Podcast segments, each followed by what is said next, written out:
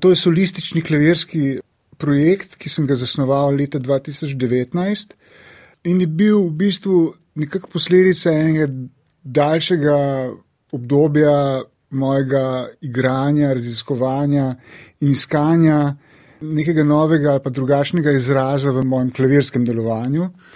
In um, glede na situacijo v današnjem sodobnem pianizmu in v nekem svetu, v katerem živimo, je pač prišel nek tak uh, zanimiv rezultat, katerega sem potem posnel, tudi igral na več festivalih in koncertih.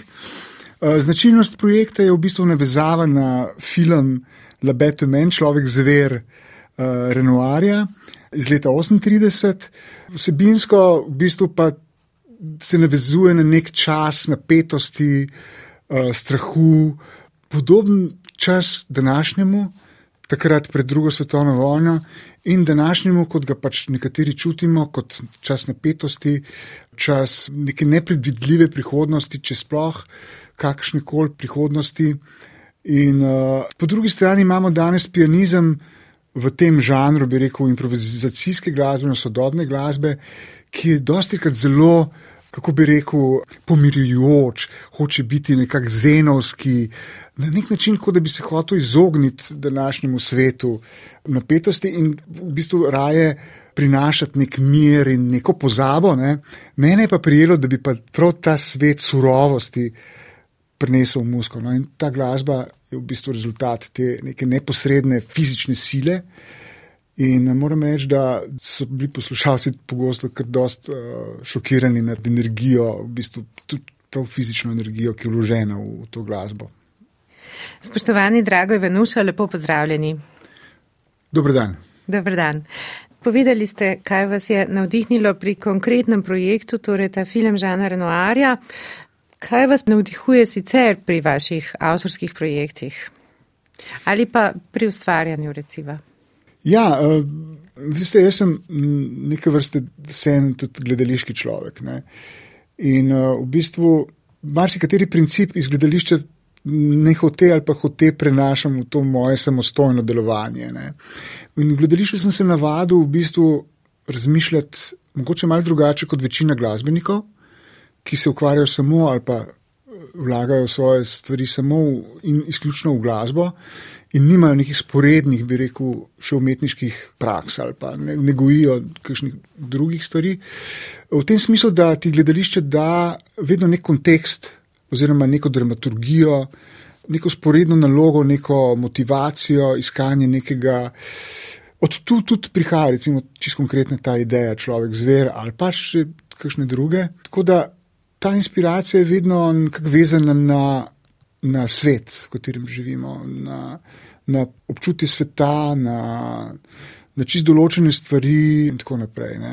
Mislim, jaz težko napišem skladbo in ji dam naslov, ne vem, jutrni sprehod. Gledam na umetnost tudi kot na politično stvar, ne. poskušam biti skozi to na nek način kritičen, ne. poskušam skozi delovanje uveljavljati neko svojo, rekel, tudi javno oziroma družbeno funkcijo kot umetnik. Ne. In se mi zdi, da je to nekako značilno za me. No. To dobivam pre, pravim, preko literature in preko gledališča, predvsem. Hvala lepa. Zdaj se pa že lahko lotiva tega vprašanja, kako se je vse skupaj začelo, drago Ivanuša. Ja, to sem že doskrat povedal, pa se mi zdi, da ne vem, kako to še enkrat povedati, da bi bilo malo drugače. v glavnem, ja, meni se zdi, da se dosta stvari v življenju zgodi, pač, kar se pač zgodi. Ne.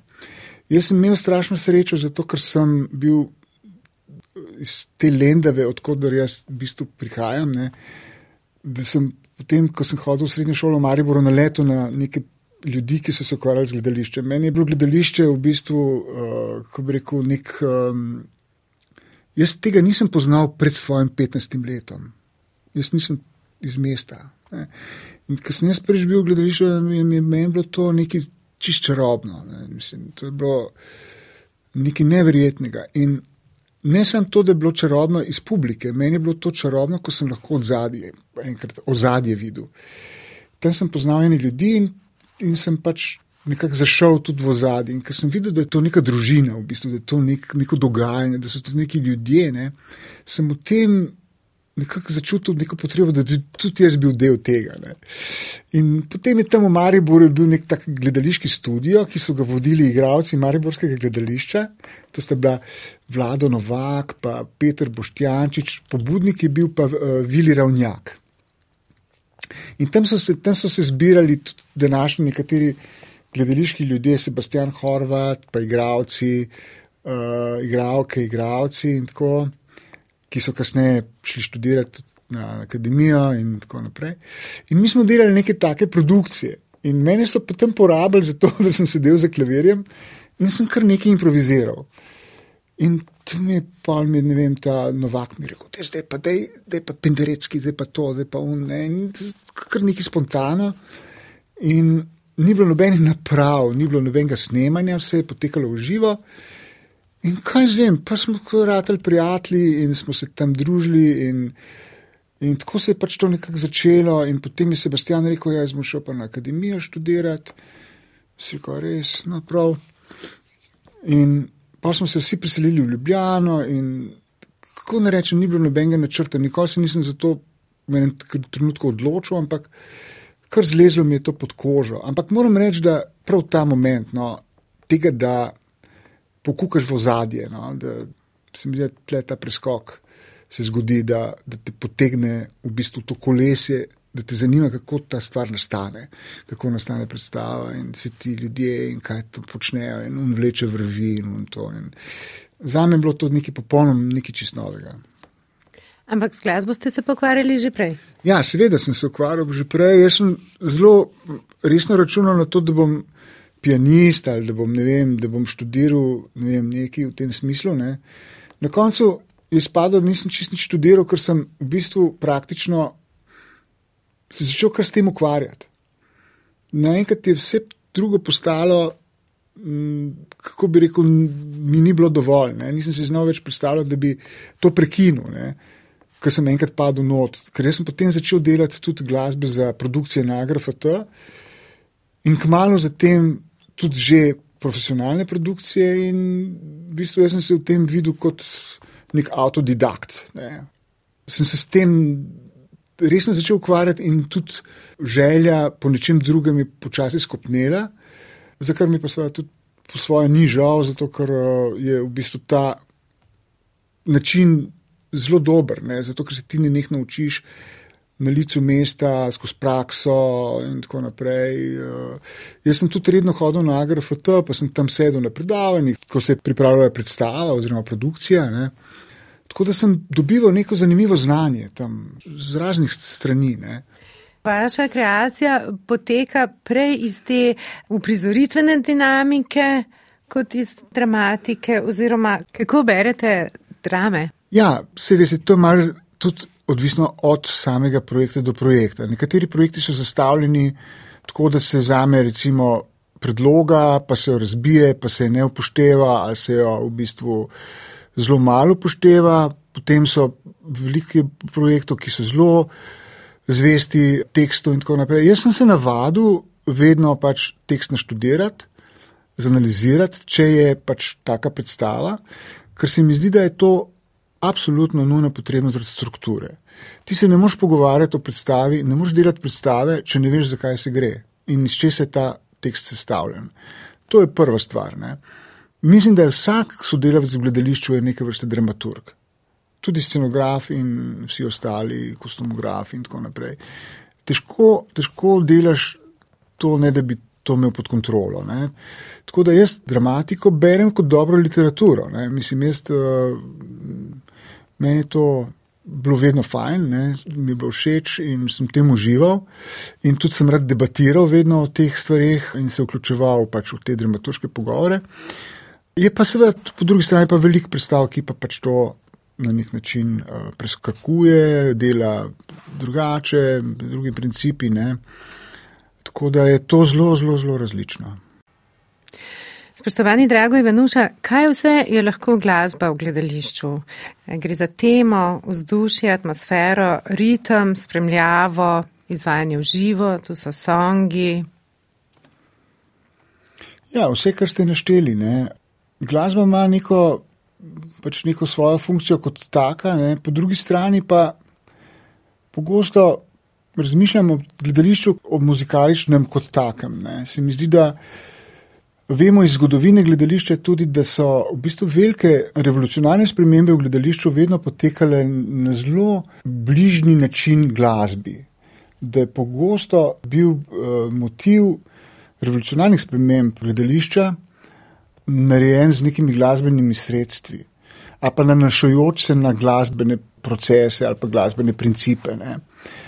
Mislim, da glasba ima neko univerzalno funkcijo, ne samo kot glasba, kot zvok, ampak tudi kot prostor, tudi kot v bistvu neko globje stanje. Ne. Tako da nekako poskušam na to gledati dosto univerzalno. Ne. Seveda so vedno potem neke potrebe in so neke čisto konkretne stvari, in eh, recimo song v predstavah je neka konstanta. Ne. To je nekaj krasnega. Ne. Lahko je predstava, ne vem, klasična, konvencionalna ali pa je lahko zelo sodobna. Režiser vedno reče, kaj pa če bi klet nekdo nekaj zapel. Ne. Mislim, da so ene stvari res tako večne ne, v tem smislu. Nekatere stvari so vedno malo modne, recimo zdaj, ki živimo v času interneta, recimo je zelo, zelo pogosto, da igravci kar zberejo neke muzike iz interneta, pa jih kar s telefonom malo spustijo v, v prostor ne, in izločijo v bistvu skladatelj za, za določen trenutek in oni prevzamejo delovanje oni nadzirajo zvok s svojim vložkom, ne, uh, svojo rekel, izbiro te neke glasbe. In tako naprej. Tako da to je brezmen prostor, v bistvu možnosti, kaj je glasba lahko. Pa glasba je seveda tudi šum, to vemo. Ne? In tako naprej, glasba je lahko v bistvu tudi beseda, glasba je lahko zven besede, glasba je lahko ritem besede, glasba je lahko gesta, glasba je lahko uh, tišina nasproti zvoku in tako naprej. Tako da to je nek tak brezmen vodnjak nekih možnosti. Po drugi strani glasba vedno deluje tudi na nek eh, svoj vrsten prikrit način. Pogosto jo ne prepoznamo ali pa ne, ne, ne uganemo tako njenega principa delovanja. Recimo, če imaš ti neko vizualno stvar, da je prazen odr in potem pride na odr nek objekt, je to pač nek dogodek. Ne. Glasba ima to sposobnost, da se lahko kako rekel, tako zelo potiho, nekako prikrade. Recimo, včasih smo se igrali celo s tem, da, da smo hoteli narediti tako, da gledalec ne ve, ali je to motnja z ulice ali je to dejansko namerno zdaj nekaj, kar je nekdo sprožil kot posnetek. Recimo, tako smo se igrali recimo, z mestnimi avtobusi v Drami. Ne?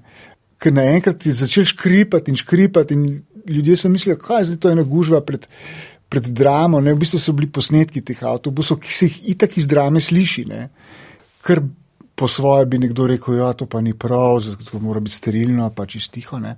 Ampak eh, meni po svoje to malo všeč, ne, da se sliši šum sveta od zunaj. Ne.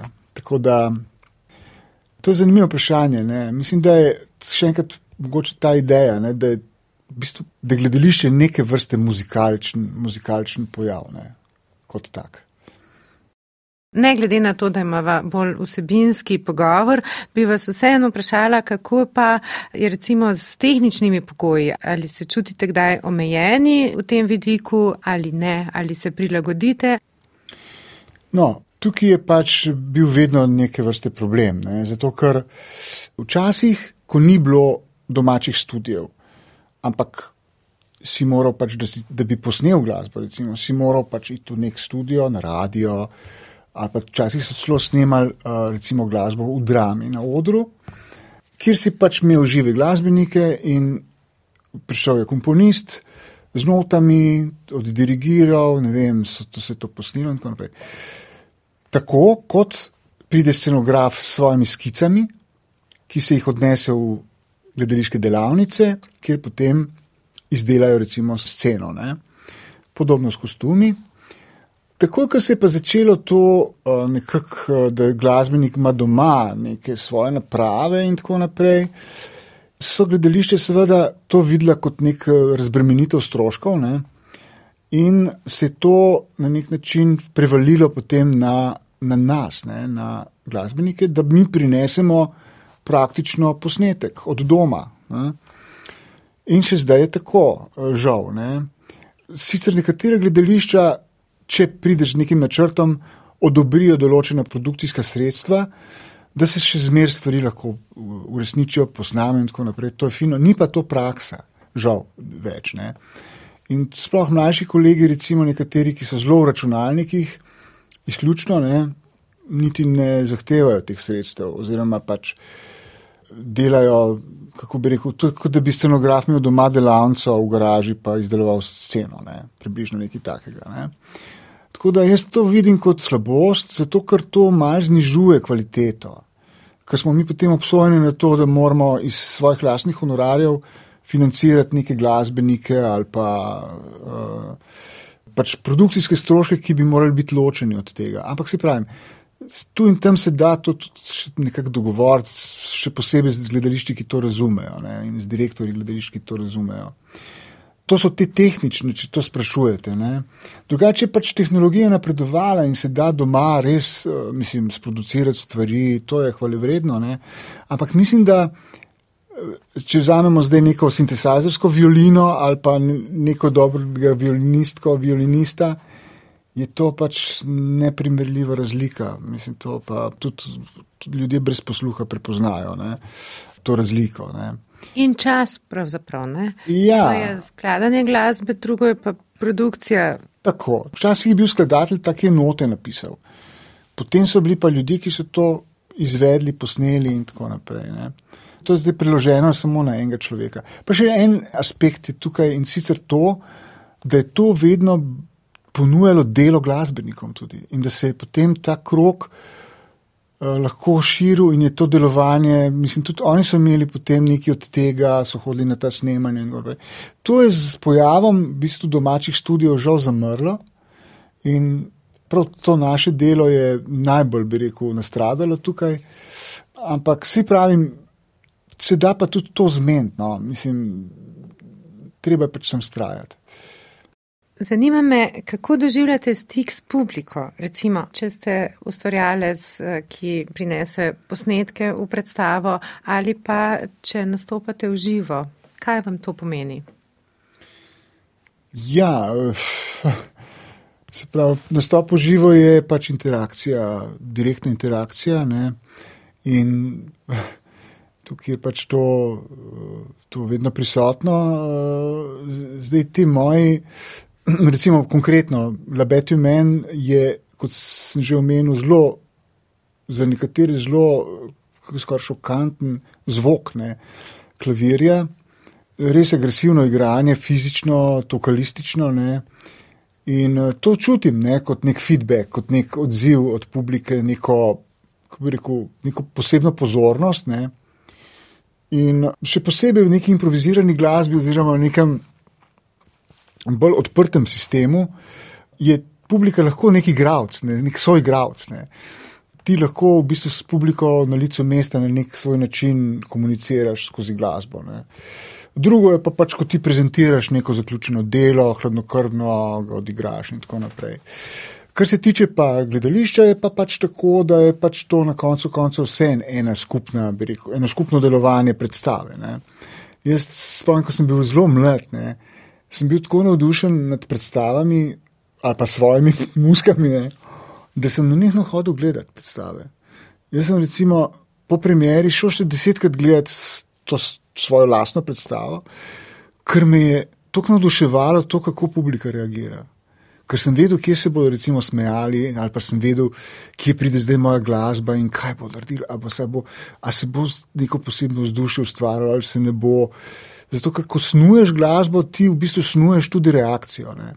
Ti snuješ, v bistvu ti sanjaš o tem, da bi tukaj se bodo čisto mirili in potem bo ona prišla in potem bo ne vem, to zdaj kar malo improviziram. Ampak Uh, in potem sem to hotel preverjati. sem hodil večkrat gledati te predstave, kot nek lunatik, ne, tam sedel v publiki v, v mraku. Ne. Ampak to je neke vrste učenje, ne? Ja, najbrž je tudi to res, ne, da je to učenje, preverjanje. Tako, tako, tako. Ja, imate prav, ja, imate pa prav. Ja. Ob prijemu nagrade Preširnovega sklada vas prosim, da poveste, kaj vam ta, pa morda tudi druge nagrade, ki ste jih prijeli že kar nekaj pomenijo. Ja, nagrada, na katero sem bil zelo ponosen, je bila nagrada Zlata ptica. Ne. To nagrado sem prijel zdaj že veliko let nazaj, po tistih filmih, mislim, da zaradi te filme in tako. Nagrada Preširnovega sklada je pa druga, ta, na katero moram biti ponosen, predvsem zato, ker je priširjen v mojem, mojih očeh, ampak res iskreno, res uh, neka figura iz naše zgodovine in naše umetnosti, ki je predvsem do te mere univerzalna in uh, izhaja iz tega, kar v bistvu bi morali tudi danes mi nositi v sebi. Ne. Se pravi, to je razsvetljenstvo, to je v bistvu uh, univerzalnost, to je humanost in tako naprej. Ne. Tle je preširen, po mojem mnenju, čistne in mislim, da umetnik, ki prejme nagrado z njegovim imenom, je lahko na to ponosen. Tako da moram reči, da, da točno tako se počutim.